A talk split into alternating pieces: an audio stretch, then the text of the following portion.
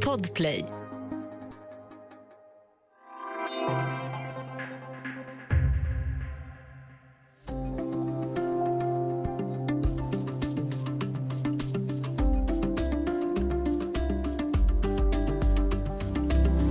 Sverige har en regeringskris efter en historisk misstroendeförklaring mot statsminister Stefan Löfven.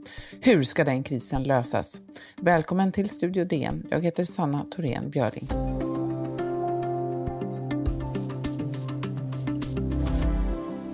Omröstningen har utfallit med 181 ja, 109 nej, 51 avstår. Jag konstaterar att kammaren har bifallit yrkandet om misstroendeförklaring mot statsministern. Ja, nu ska vi prata med DNs politiska kommentator Eva Stenberg om det politiska läget i Sverige. Välkommen Eva. Tack så mycket. Eh, du, väldigt kort här bara, vad var det som hände på måndagen? Ja, det blev en... Eh, regeringen fälldes trots att ingen hade trott att det skulle vara möjligt nästan, bara för en vecka sedan. Det har varit en process som har gått oerhört snabbt och som har varit väldigt dramatisk och som ledde fram till att Stefan Löfven fälldes med en ganska bred marginal. Och nu måste han antingen avgå eller utlysa ett extraval. Mm. Ja, Stefan Löfven fick 181 röster mot sig under omröstningen om en misstroendeförklaring i kammaren. Eh, varför avgick han inte med en gång? Han vill eh, överväga sina alternativ och han vet ju inte om han skulle kunna bilda en ny regering och komma tillbaka som regeringen Löfven 3, för han har ju haft två tidigare. Det har hänt förut. Det var inte exakt samma sak, men det var ganska likt när eh, Ingvar Carlsson var statsminister på 90-talet och eh, ställde en kabinettsfråga som det kallas. Han sa om ni inte accepterar det här förslaget så avgår jag. Det innehöll bland annat ett strejkstopp och då röstade VPK, Vänsterpartiets företrädare. Jag tror de inte hade tagit bort K ur sitt namn då, så de hette VPK. De röstade emot det här förslaget eh, tillsammans med övriga oppositionen. Och då eh, föll det och regeringen avgick. Men det dröjde inte så lång tid så återuppstod Ingvar Carlsson som statsminister och lyckades få riksdagen med sig på att regera ett år till. Och det är väl frågan om Löfven skulle kunna göra om, men det ser ganska kärvt ut. Men han ska göra sitt bästa för att förhandla och sondera om det går. Och om inte det går så ska han fundera över om han ska utlysa ett extra val. Han har en vecka på sig att göra det i sådana fall. Sen kommer han att bli avsatt varken han vill eller inte.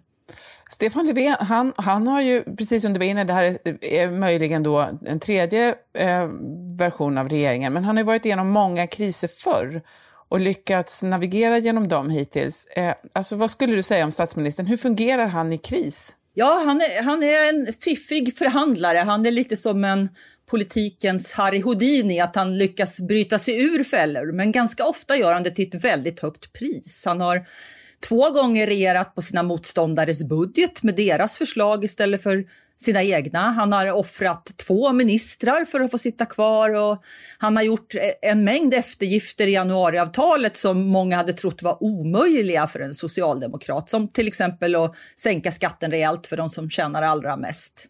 Det här kan ju vara hans svåraste sits hittills då. Eh, Vänsterpartiets partiledare eh, Nooshi Dadgostar, hon har ju varit aktiv inom just bostads och hyresfrågor, som det här ju eh, faktiskt handlar om, eh, i många år, länge lokalt utanför Stockholm. Ehm, så här sa hon i samband med omröstningen.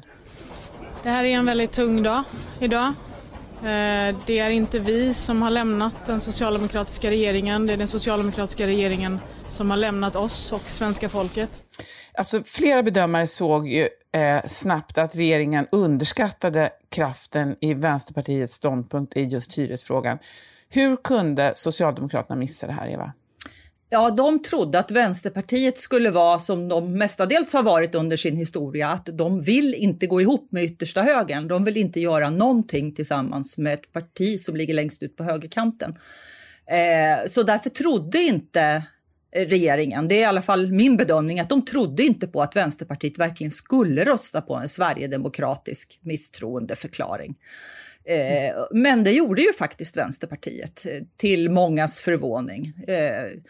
Då, och som vi hörde, Nooshi Dadgostar lägger ju den här skulden då på Socialdemokraterna. Men det var ju en felkalkyl. Vänsterpartiet har ju visat under mandatperioden. De har ju tidigare gått ihop med Moderaterna och Kristdemokraterna och även fått stöd av Sverigedemokraterna för att till exempel bromsa regeringens reform av Arbetsförmedlingen och göra om budgetposter och så. Så att det visade sig att Vänsterpartiet var beredda att löpa linan ut. Men de andra partierna trodde ju allihopa i princip att Vänsterpartiet bara ropade vargen kommer, men att det aldrig skulle komma någon varg. Att det här bara var ett tomt hot för att försöka driva igenom sin vilja. Men om man ser till Vänsterpartiet, Centerpartiet och Socialdemokraterna, då gick ju Socialdemokraterna med på att utesluta vänstern i samband med januariavtalet. Det betyder att man prioriterar samarbetet med Centern. Centern verkar just nu inte ha något alternativ eh, än Socialdemokraterna så länge Moderaterna och Sverigedemokraterna är på talbar fot med varandra. Så hur viktiga är Socialdemokraterna och Centerpartiet för varandra? Ja, de är jätteviktiga. Eh, Annie Lööf försöker ju skaffa sig alternativ för det är ju så hon har fått stort inflytande. Hon har ju fått igenom många punkter i det här januariavtalet som regeringen vilar på. Bland annat den här punkten som Nooshi Dadgostar nu har krävt ska strykas. Det var ju också ett viktigt krav från Centern och Liberalerna att man skulle ge fastighetsägarna större frihet att sätta hyror i nyproduktion. Eh, så att det här är otroligt viktigt för, för Centern att ha kvar en stark position. Men de har ju inte så många val längre. Men de vill ändå inte säga ja men det är du och jag Stefan. Det vill inte Annie Lööf säga. Utan hon vill försöka hålla den här mittenpositionen. För Stefan Löfven är Annie Lööf helt oundgänglig. Därför att han kan inte få regera utan stöd av något mittenparti om det inte sker en stor, stor opinionskantring i Sverige. Hur kommer det sig då egentligen att Centerpartiet vägrar prata eller förhandla med Vänsterpartiet? Det har delvis blivit en effekt av att de inte pratar med Sverigedemokraterna. För det var ju, de har ju faktiskt ingått till exempel en energiuppgörelse med Vänsterpartiet, så det har ju hänt att de har pratat med Vänsterpartiet. De har vunnit enighet i försvarsberedningen och varit överens i många frågor också med Vänsterpartiet och i olika parlamentariska utredningar. Så att de har ju pratat med varandra tidigare. Men när man bestämde sig för att isolera Sverigedemokraterna då bestämde man sig samtidigt för att, att Vänsterpartiet som hade brutit sig ur sin långa gamla karantän genom historien som kommunister, att de skulle tillbaka i karantänen så att säga. Och det var lite ironiskt för det var faktiskt Liberalerna som krävde att man till och med bokstavligen skulle skriva in i januariavtalet att man inte ska ge något inflytande alls till Sverigedemokraterna eller till Vänsterpartiet. Och det, det kallas då lite slängigt av Vänsterpartiet för förnedringsklausulen. Och det har lett till att eh, det har varit väldigt svårt att ta sig ur den här regeringskrisen, för det har ju inte gått att förhandla ordentligt med Vänsterpartiet. För det står ju i januariavtalet att man inte ska göra det och det har dessutom retat gallfeber på vänsterpartisterna. Men det här var ju Liberalernas förslag och nu står ju Liberalerna och säger att det här var ju en usel idé att isolera ytterkantspartier, så kan man ju inte göra. Det var jättedåligt, det är därför det har fallit, men det var ju faktiskt de som skrev in det från början. Så att det är någon slags ödets ironi nu då att Nyamko Sabuni nästan varenda gång hon har kommenterat kommenterat den här krisen har tagit upp det här att det är så dumt att isolera ytterkanter när det var hennes parti som drev igenom det. Ja, men det är ju jätteintressant. Liberalerna eh, var ju eh, då en del av januariavtalet. Eh, men Sabuni har ju gjort klart att de, eh, Liberalerna inte kommer att fortsätta det där samarbetet. Och Liberalerna bidrog inte heller på måndagen till att fälla regeringen av respekt för det här avtalet. Men nu vill ju Sabuni hellre ha en borgerlig regering. Samtidigt så har ju Liberalerna usla opinionssiffror hur tror du nu att eh, ledningen för Liberalerna tänker? Ja, eh, de sitter ju i en jättesvår situation för de har väl en insikt som säger vi gör vad som helst för att slippa ett extraval, till och med hjälpa Stefan Löfven. Men eh, skulle de ge efter för det, då ligger de troligen ännu sämre till därför att hela deras omsvängning baserar sig, eller mycket av den ska jag säga, baserar sig på en analys av att de kommer att få stödröster från moderater och kanske från kristdemokrater beroende på hur de ligger till eh, i en valrörelse. Och, och, det bygger ju också då på att de verkligen pekar ut Ulf Kristersson och säger att vi tillhör Ulfs lag. Det finns ingen tvekan. Vi skulle aldrig hjälpa Stefan Löfven igen. Vi har lämnat det bakom oss. Så att om de ger någonting till Stefan Löfven, då sänder de ju signaler till väljarkåren att det inte riktigt går att lita på Liberalerna, vilket lag de tillhör, och då får man ju inga stödröster. Så att de sitter i ett skruvstäd och ligger väldigt illa till nu om det skulle bli ett extraval. Mm. Vi ska alldeles strax prata lite mer om vad som händer nu.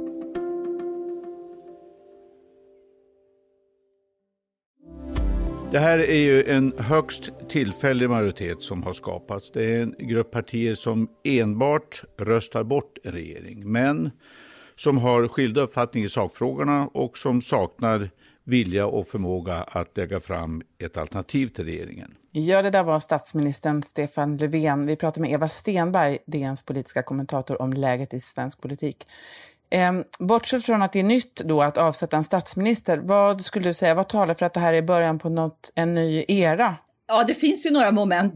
Dels är det ju att, att vi har ett så skakigt läge med åtta partier i riksdagen så att det är väldigt svårt att bilda regeringar. Det, det kan man ju se. Men sen tror jag att nu Nooshi Dadgostar och Jimmy Åkesson i förening har brutit den här principen om att isolera en ytterkant eller två ytterkanter. Att det, det här var nog slutet på det. Det kommer inte att fungera i fortsättningen efter det här.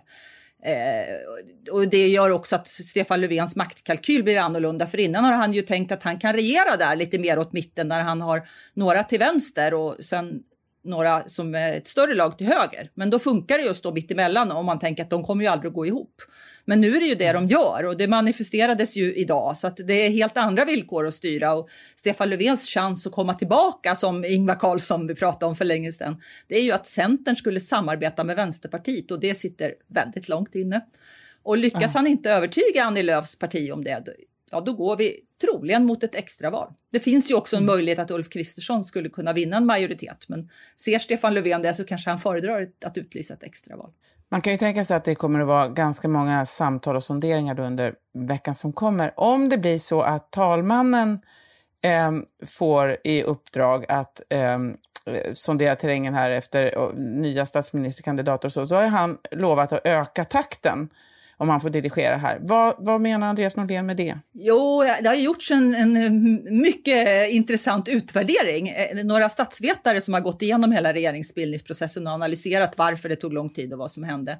Och en slutsats som talman Andreas Norlén har dragit var att han gav dem lite för lång tid ibland att tänka efter. Han borde ökat pressen lite. De borde inte fått jag får mig de tog ett ganska långt jullov till exempel och de fick två veckors betänketid. De borde bara haft en och sådär. Så han har lovat att snabba upp lite. Sen är det väl så att om, om Stefan Löfven skulle kunna bilda en ny regering, då kommer han troligen att göra den sonderingen nu innan talmannen ens har börjat så att säga.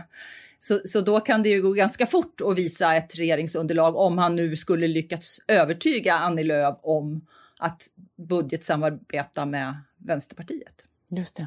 Om det då blir extraval istället, eh, hur kommer då den här sommaren att se ut tror du? hektisk, troligen intensiv.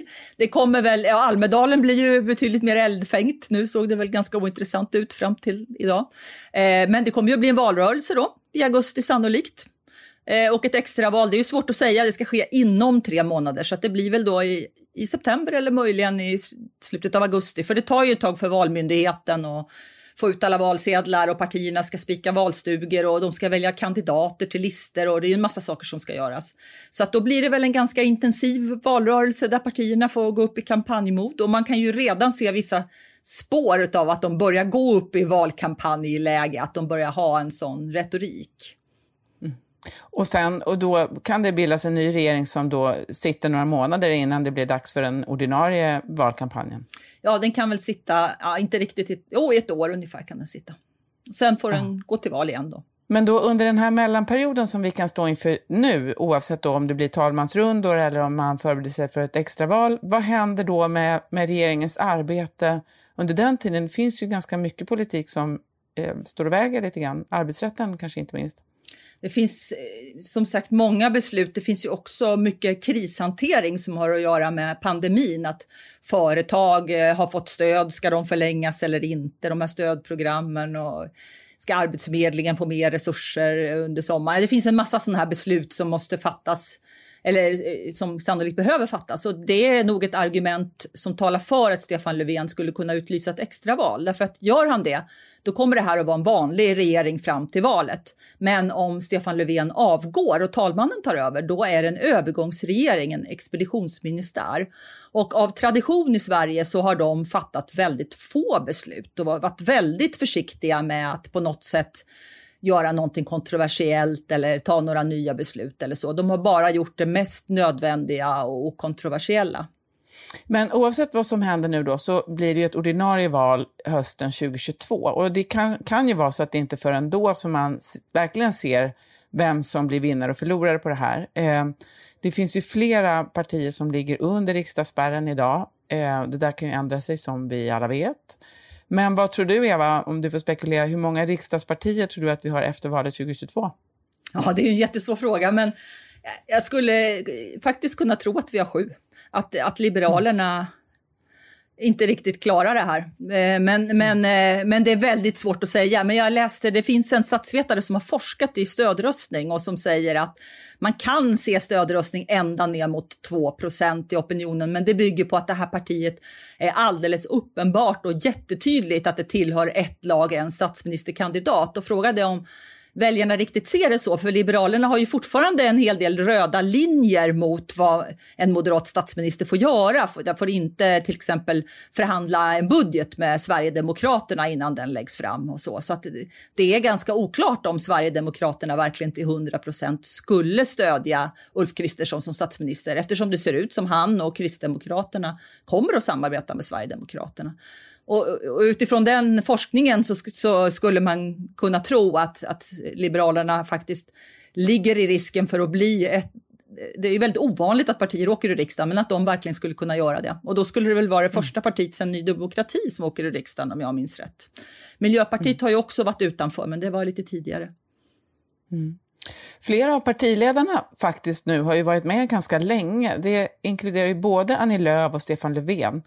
Um, och ibland så säger man att ehm, politik, det handlar ju också om personkemi uh, och personliga relationer. Um, vi var ju inne på Löfvens olika kriser och så. Hur länge orkar han, tror du? Ja, det kan man ju fundera på. Han han blir ju lite äldre. Å andra sidan har vi ju en president i USA som är betydligt äldre än vad Stefan Löfven är och som är nyvald. Och vi hade en tidigare president som också var äldre, så att man ska väl inte säga så mycket om åldern. Det är, det är väldigt svårt att bedöma. Det han själv säger att han vill fortsätta. Det har ju funnits spekulationer eftersom han var en ganska motvillig partiledarkandidat. Men han har ju övertrumfat dem och ångat på stadigt eh, genom åren, liksom, eh, genom lera och dy genom terrängen så har han liksom gått vidare som någon slags traktor i politiken. Eh, och eh, det ser ut som att han tänker fortsätta med det ett tag till. Mm. Så avslutningsvis då Eva, vad, vad, skulle du under den närmaste tiden, vad eller vem skulle du hålla ögonen på lite extra? Annie Lööf, definitivt. Eh, hon har eh, återigen, tror jag, nyckeln till hur den här regeringsbildningen blir. Och man kan ju också minnas, även om det inte alls är det mest sannolika scenariot, men man kan ju se att det finns kanske en liten möjlighet att hon försöker att själv kunna lösa det här, om det nu är så att Stefan Löfven skulle misslyckas helt och Ulf Kristersson skulle misslyckas helt så kanske hon ger något förslag. Vi har ju haft en, en Ullsten-regering för länge sedan, en folkpartiregering som var väldigt liten och in, inte levde så länge, men, men klarade sig ändå ett tag. Kanske skulle ja. Annie Lööf kunna följa i de spåren, vad vet man, eller bilda någonting annat. Det är, det, är en, det är inte det mest sannolika och det är en spekulation, men man ska inte utesluta. Det har hänt förvånande saker i svensk politik förut, senast idag, så att man får nå ett öppet sinnelag där tror jag. Vi får all anledning att återkomma till dig, Eva. Tack så mycket för att du var med idag. Tack. Studio DN görs för Podplay av producent Sabina Marmelakai, exekutiv producent Augustin Erba, teknik Oliver Bergman, Bauer Media och jag heter Sanna Thorén Björling.